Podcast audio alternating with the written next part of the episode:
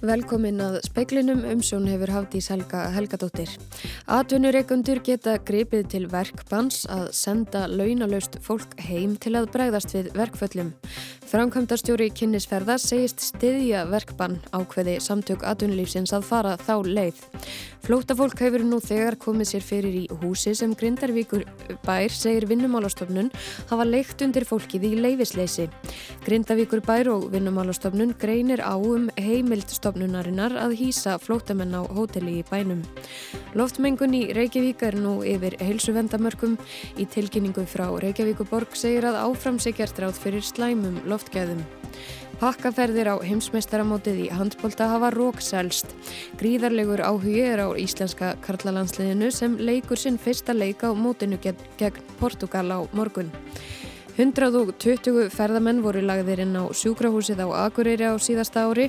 Sjúkrahúsið hefur aldrei synd eins mörgum erlendum ferðamönnum og á nýliðnu ári. Snjóflóða ratsjá veðurstofunar á Flateyri namn allstórt flóð sem fjall í miðryggsskili innan við Flateyri í gerkveldi. Láregla í Brasilíu hefur aukið viðbúnað eftir að fylgismenn Jærs Balsonaro, Brasilíu fórsetta, búðuðu til mótmæla í helstu borgum landsins á morgun. Framkvæmdastjóri kynnisferðar segist stiðja verkbann ákveði samtök atvinnulífsins að fara þá leið. Atvinnureikundur geta grípið til verkbanns til að bregðast við verkvöllum. Með slíku banni er þið fólk sendt launalöst heim. Samninganemt eblingar skipulegur nú atkvæðagreðslu um verkvall fyrir tæbla 21.000 af sínu félagsfólki. Ef samþýtt verður að fara í verkvall verður að tilkynna ríkisátt að semjara á samtökum atvinnulífsins það með viku fyrirvara. Verkvall geti hafist í byrjun februar. Stór hluti strætisvagnabílstjóru og höfuborgarsöðinu er í eblingu og starfar hjá kynnisferðum, segir Björn Ragnarsson, frangatastjóri kynnisferða. Við erum með rétt í krikum 130 bílstjóra yfirni hjá okkur á einn 11 leiðum strætó og ef að kemur til verkvælla það myndi hafa þá tölverð áhrif á stræta þjónustu? Já, það er þetta fyrir eftir hvernig verkvalli er þið framkvæmt en það myndi ná til allra þessari bílstjóra þannig að akstur á þessu leiðum myndi að leggjast af á þeim tíma sem verkvalli stæðið yfir. Frangotarstjóri samtaka aðtunulífsins saði sjónvarsvettum í gæra svo gæti farið að úrræði í vinnulögjöfunni yrðu nýtt kemi til verkfalls. Úrræði aðtunureikanda eru verkbann. Heimilt er að beita verkbanni ef hlutir starfsmannafyrirtæki sér í verkfalli og lamar þannig alla starfseminna. Verkbann gæti þá gilt fyrir alla starfsmenn fyrirtækisins sem þýtti að enginn fengi laun hvort sem viðkomandi væri í verkfalli eða ekki. Það er hins vegar líklega að verkbann yrði beitt á svo nefnd skæruverkfall. Þau eru þannig að fólk mæti til vinnum, er á launum en neytar að vinna ákveðin verk. Með verkbanni er þið verkfarsfólkið sendt launalöst heim. Björn segir að hann virði baráttu launafólks en stiði jafnframt ákvarðanir samtaka aðtunilifsins.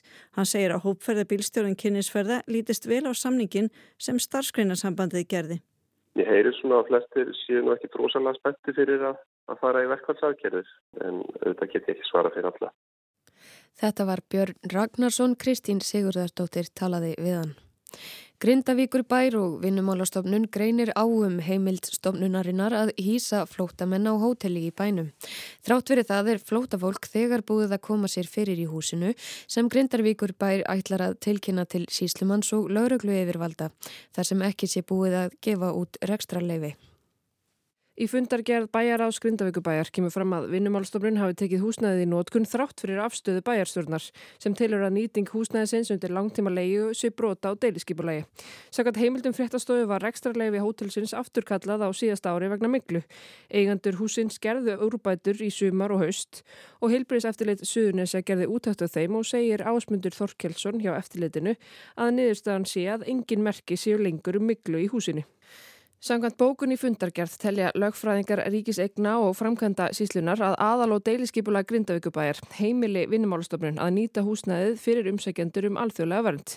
Í svari vinnumálastofnunar til Grindavíkubæjar kemur fram að stofnunin sé í þröngri stöðu. Þetta sé eina húsnæðið sem sé fast í hendi og útvega þurfi 500 rými á fyrstu tveimur til fjórum mánuðum ársins. Lögfræðingar Grindavíkubæjar telja að útlega hótelsins undir flóta fólk samareimist ekki samþygtri nótkunn húsins eða deiluskipulagi. Skipulags- og byggingafulltrúa bæjarins var falið að upplýsa síslumann og laurugliðu völd um að flóta fólk væri þegar búið að koma sér fyrir í húsnaðinu þrátt fyrir að rekstrarleifi hefði ekki verið gefið út. Þá á sami fulltrú að skoða hvort tilmnisi til að stöðva starfsemina samkvæmt heimildum í mannvirkjalögum eða krefjast úrbóta á húsnæðinu. Fulltrúar bæjar á Skrundavíkubæjar vildu ekki tjá sig þegar eftir því var leitað. Fulltrúar vinnumálastofnunar higgjast funda með bæjaryfirvöldum í lókvikunar og vilja ekki tjá sig um málið fyrir að þeim fundi loknum. Hólfrýður dagni Freyðjónsdóttir tók saman. Loftmengun í Reykjavík er yfir heilsuvendamörkum, styrkur mengunarinnar sem stafar af útblæstri bíla sem knúnir eru af jarðefna eldsneiti er yfir 206 mikrogram köpnunar efnis dióksís þegar hort er til klukkustundar gilda við grensásveg. Leifilegt árs hámarkmengunar var sprengt strax í byrjun nýs árs. Í tilkynningu frá Reykjavíkuborg segir að áfram sé gert ráð fyrir þessari stöðu þar sem spáðir áframhaldandi hægviðri og frosti og mögulega mögulegt að ástandið verði viðvarandi næstu daga. Er fólk hvað til að gera ráðstafanir til að draga úr nótkun enga bíls við þessar aðstæður. Þegar veður er stilt sapnast útblástur bíla upp og þar með köpnunarefni sem getur valdið ertingu og óþægindum í lungum og öndunarvegi. Gríðarlegur áhugi er á íslenska karlalandsliðinu í handbólta sem leikur sinn fyrsta leik á heimsmeistara mótinu gegn Portugal á morgun. Íslenska leiðiði leikur sinn reyðil í Kristjánstaði í Svíþjóð og búist er við hundruðum Íslendinga á leikina. Silvíja Kristín Ólastóttir, framkvæmdastjóri þjónustu og markaðsviðs Æslander, segir að rókselst hafi í pakkaferðir á mótið. Sko við settum eina eh, ferð í loftið og vorum, hérna, hún seldist upp á augabræði og það kom með þessa byggðlisti þannig að við settum næstu ferð og hún seldist upp mjög hrætt líka þannig að þá kom þriðja ferðin og hún seldist líka upp þannig að við erum bara mjög bjart sín og, og, og ja, bjart sín og, og landin uh, sem er greinilega mjög hliðhollur og til í þetta. Takkið eftir aukningu í flugi til annara áfangastada sem eru í grendinni? Já, nú eru leikirni núna þrýr sem eru framöndan við Portugal, Ungverðarland og Söðu Kóru í Kristjánstad og það er þétt setnar vélarna til kaupan eða kaupmannahafnar í dag og, og síðustu daga. Sæði Silvíja Kristín Ólastóttir í viðtali við Pétur Magnússon. Það er ekki aðeins eftirvænting hjá landsmönnum heldur segir landsliðs þjálfaring Guðmundur Guðmundsson að eftirvæntingin sé ekki síður til staðar innan liðsins fyrir fyrsta leikin á morgun. Ég held þessi bara mjög vel stendur. Það er bara þannig hjá okkur öllum að þetta er svona eftirvænting. Man, som, okkur hlakka bara til að taka, byrja sko.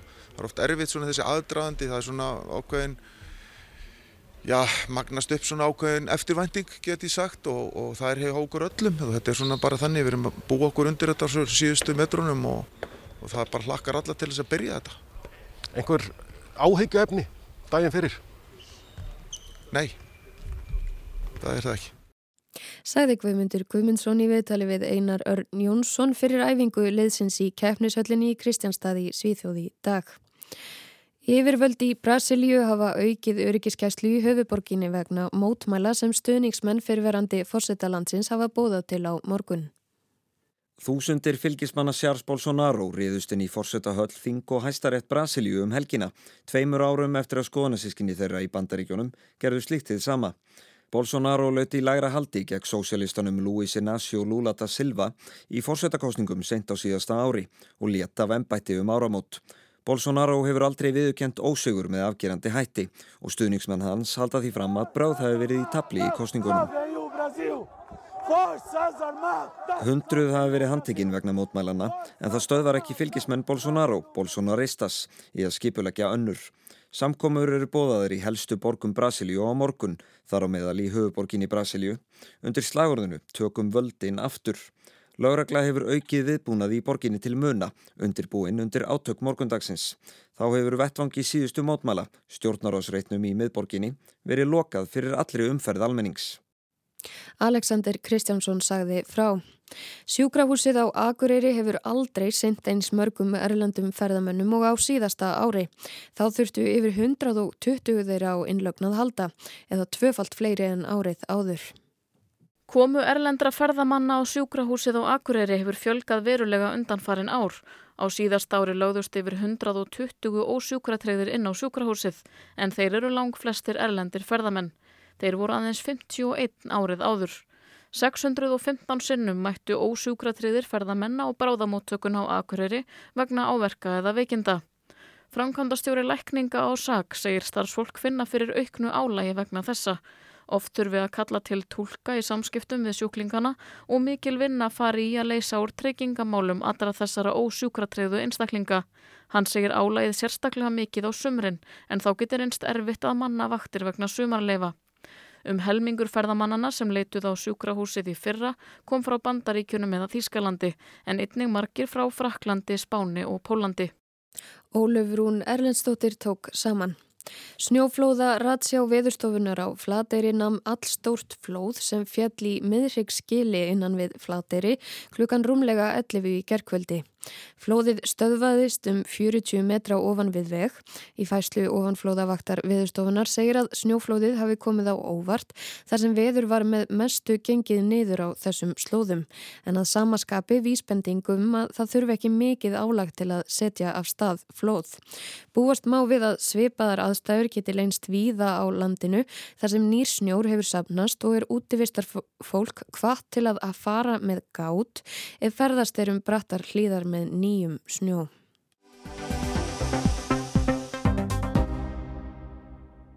Staðan í kjaradeilu eblingar og samtaka aturlífsins er þraunga eftir ebling sleit viðræðum í gær. Gilvi Dalman Adalsteinsson, vinnumarkasfræðingur og dósent við Háskóla Íslands veldir því fyrir sér hvort æskilegt væri að sáttasamjöri hefði heimil til að fresta verkvalli í stað þess að alþingi grípi inn í vinnudeilu með lagasetningu.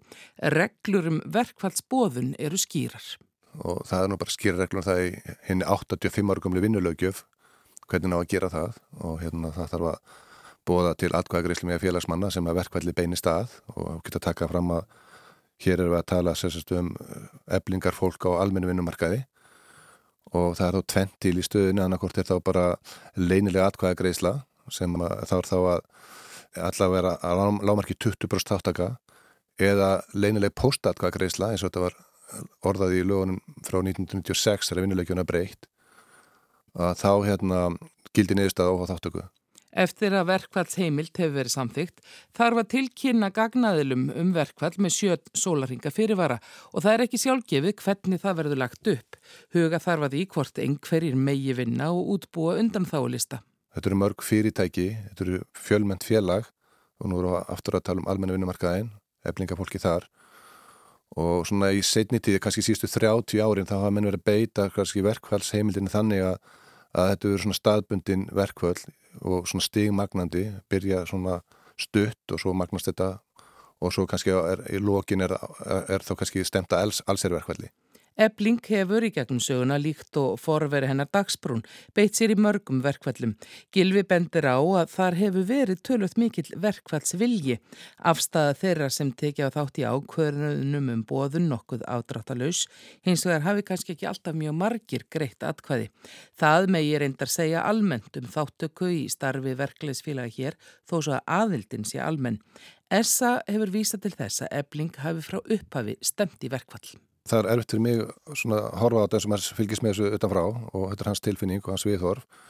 Það er líka annað sem maður má ekki gleyma það er að vinnuvindur hafa samskona rétt sem er verkbannsrétturinn. Hann hefur ekki verið mikið notar genn tíðin að hálu vinnuvinda hér á Íslandi. Síðast var það held í sjómanverkvallið að sett verkbanna á velstjóra en það hvaða alveg við nýjan tón og ég er búin að fylgjast lengi með þessu í gæra hlusta á halda Benjamin svona já, gefa ég að bli skýna menn munum beita verkbannsvopninu og hérna, það eru, eru tíðind út af fyrir sig í þessu tilfelli með eblingu að, sko, ef við skoðum bara þessa öld og þá hefur sko, ebling verið svona kjölfestan í kjæra samlinga gerð ásamt öðrum félugum hérna höfborgsræðinu svo kallar flóabandalag. Og setna bætti síðan vaffer inn í það, þann hóp.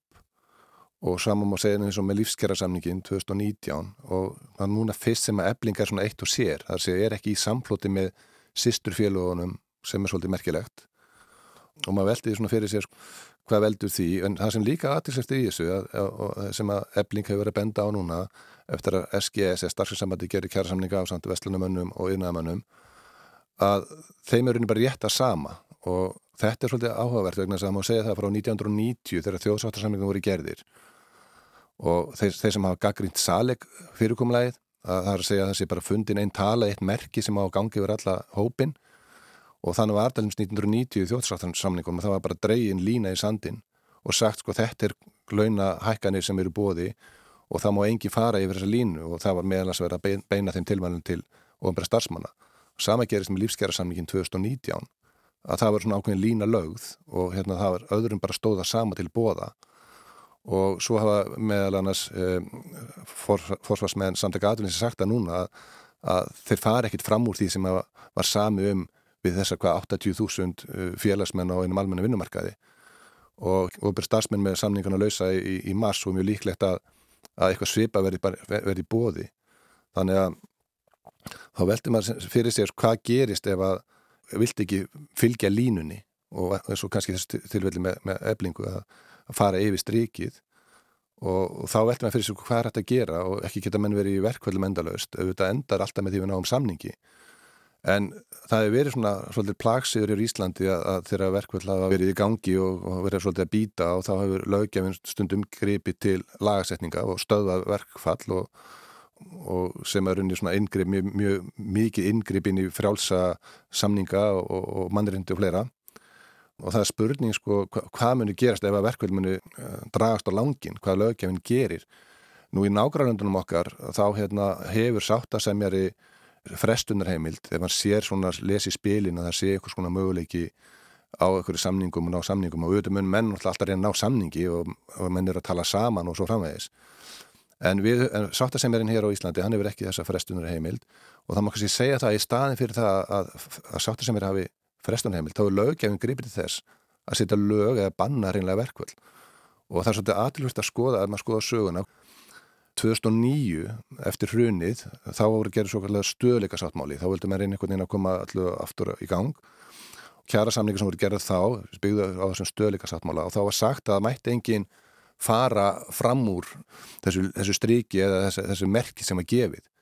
En svo gerist það vormánu um 2010 að flugverkjar búða verkvall og þá er búið að bjóða þeim að sömu hækkanir eða samninga og öðrum hafi verið bóðið og þeir syndu því ekki og bóði verkvall og það enda með því að það var sett lög á, á þá, þá vinnudeilu. Og meðlan sagt í hérna, greiningar með lögunum að þeir, að verði farið eftir þeirra kröfum þá munir það setja aðra kjærasamningar svolítið á hliðina. Og það er það sem er svolítið verið að tala um núna þetta fræga höfrungarlaup við búum við það hér í Íslandi verið með mörg stjættafélög með mörgar samningseiningar í vinnustöðum. Við getum verið með stórt fyrirtækja sem eru 25 stjættafélögur, það gerir 25 kjærasamningar.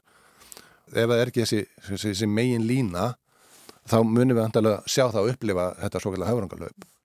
Grafa eblingar um framfærslu uppbót vegna þess hver dýrt er að búa á höfuborgarsvæðinu gengur gegn þeirri hefð sem hér hefur ríkt um að sömu takstar gildi um allt land. Þess eru þó dæmi annar stað frá til dæmis á Englandi. Það gilda til dæmis hærri takstar í Lundunum en í Coventry, segir Gilvi. Bendir þó á að í Coventry sé öll sama þjónusta í bóði ólið því sem sé á landsbyðinni hér endar alltaf með samningi og hversu langa það tíma tekur og hérna, spurningur eins og ég nefndi aðan hérna, með dæmi frá 2010 og flugvirkjana sko, hvað, hvað ríkisvaldi muni gera. Ég held að það sé náttúrulega kannski alveg síðasta lendingin og, og það vil enginn held ég sjá það að, að löggefin grípi inn í vinnitílu með lagarsetningu Sæði Gilvi Dalman Adalsteinsson Anna Kristín Jónsdóttir talaði við hann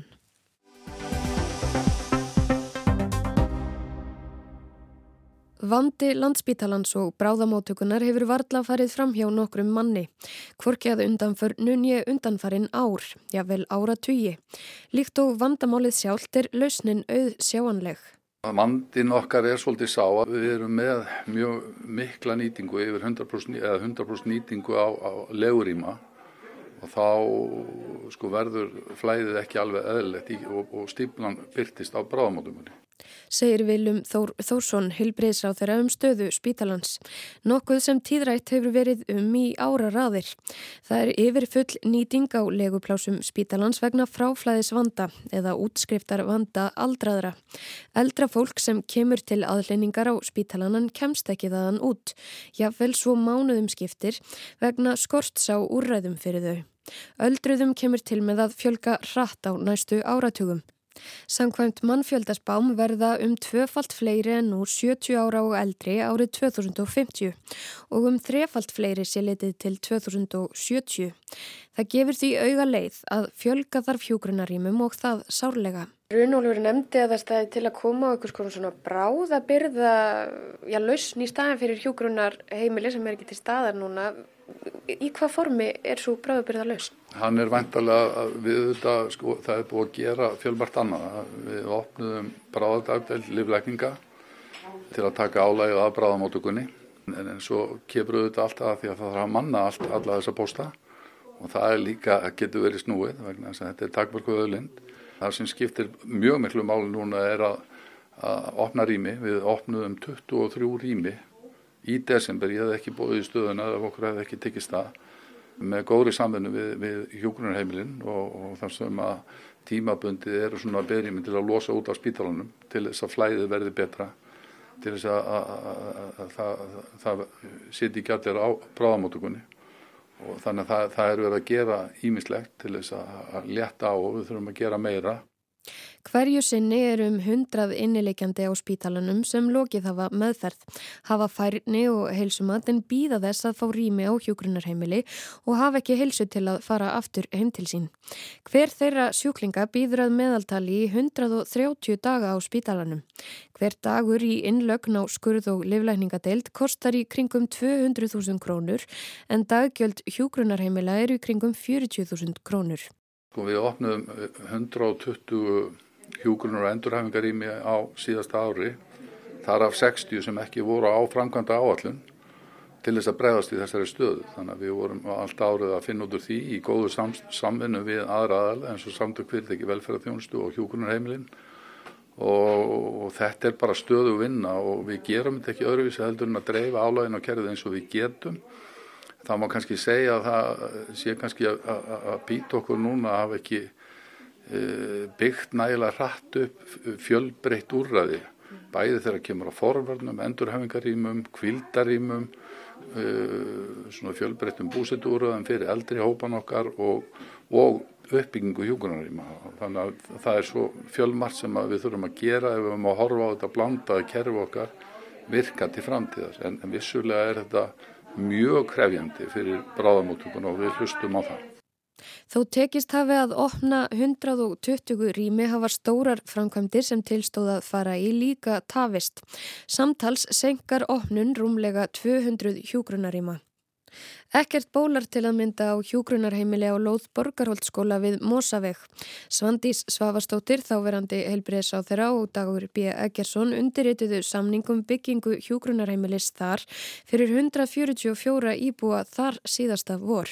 Það hefur bara verið stopp vegna skipilagsmála hjá borginni og, og, og það má eiginlega segja að það hefur verið bara tafir út um all land í, í þessu árferði og undarferði misseri. Eh, ég get nefnt Höfn og Húsavík og Reykjanesbæ og það hefur þurft að stíga inn í það allt það ferli til þess að reyna að að koma því áleiðis. Þannig að nú lengur fyrir eh, að opna frekar í hjúgrunarými á þessu ári og ég er svona bind vonir við það að við getum í ágúst svona í einu opna 120 rými. Eh, Hvað er það? Í örðakvarfi. Ef að það gengur upp, eh, það bara verðurlega að gerast. Við erum að vinna í því.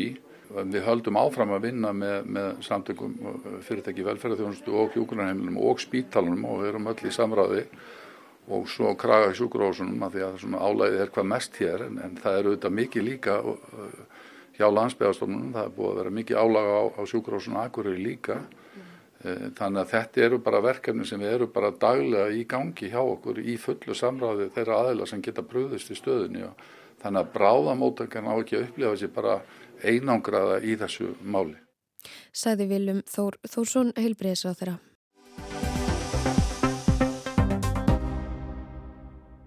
Evrópusambandið og Allandsafsbandalagið ætla að stopna sérsveit sem á að koma í vekk fyrir að skemmtir verði unnar og viðkvæmum innviðum samfélagsins í Evrópu. Til þessa sameinlega átaks er emt eftir að gött voru sprengt á Nord Stream gasleðslurnar á botni Eistrasalts í fyrra. Jens Stoltenberg, framkvæmdastjóri NATO og Ursula von der Leyen, fórseti framkvæmdastjórnar Evrópusambandsins, tilkynntu um stopnun sérsveitarinnar á sameigilegum fundi með frettamönnum í Brussel í dag.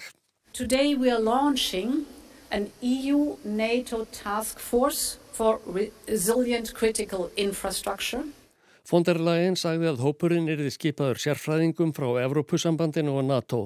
Þeir eiga að meta hvaða ógnir stæði helst að viðkvæmum lífæðum í Evrópu, hverjum sé hættast við árásum og skemdarverkum og þróa mótvægis aðgerðir. This is a task force where our experts from NATO European Union will work hand in hand to identify key threats, to look at the strategic vulnerabilities we do have, Then, of course, also to develop key principles to improve our resilience and to propose mitigating measures and remedial actions. Hún bætti við að skemdarverkin sem unnin voru á Nord Stream gasliðslunum sem liggja frá Rúslandi til Þískalands síndu að Evrópuríki yrðu að vera við öllu búin og kæfa í fæðingu ógnir sem stafa af yllvirkjum eins og þeim sem sprengdu gött á leðslurnar. Sérsveitin ætti eftir að styrkja enn frekarvarnir NATO í álfunni. Með stopnun hennar væri verið að færa samstarf ESB og bandalagsins upp á annað stig. Jens Stoltenberg sagði að samvinna ESB og NATO væri mikilvægari en nokkru sinni fyrr. Grimmileg innrás rúsa í Ukrænu hafi breytt stöðu öryggismála í grundvallar atriðum.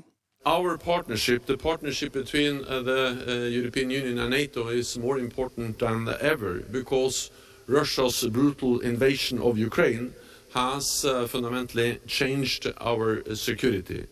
Vorki Úrsula von der Leyen nýja Jens Stoltenberg gengur svo langt í dag að fullir það að rússar hefðu komið fyrir sprengjum við Nord Stream gasleðslurnar á Eistrasalti.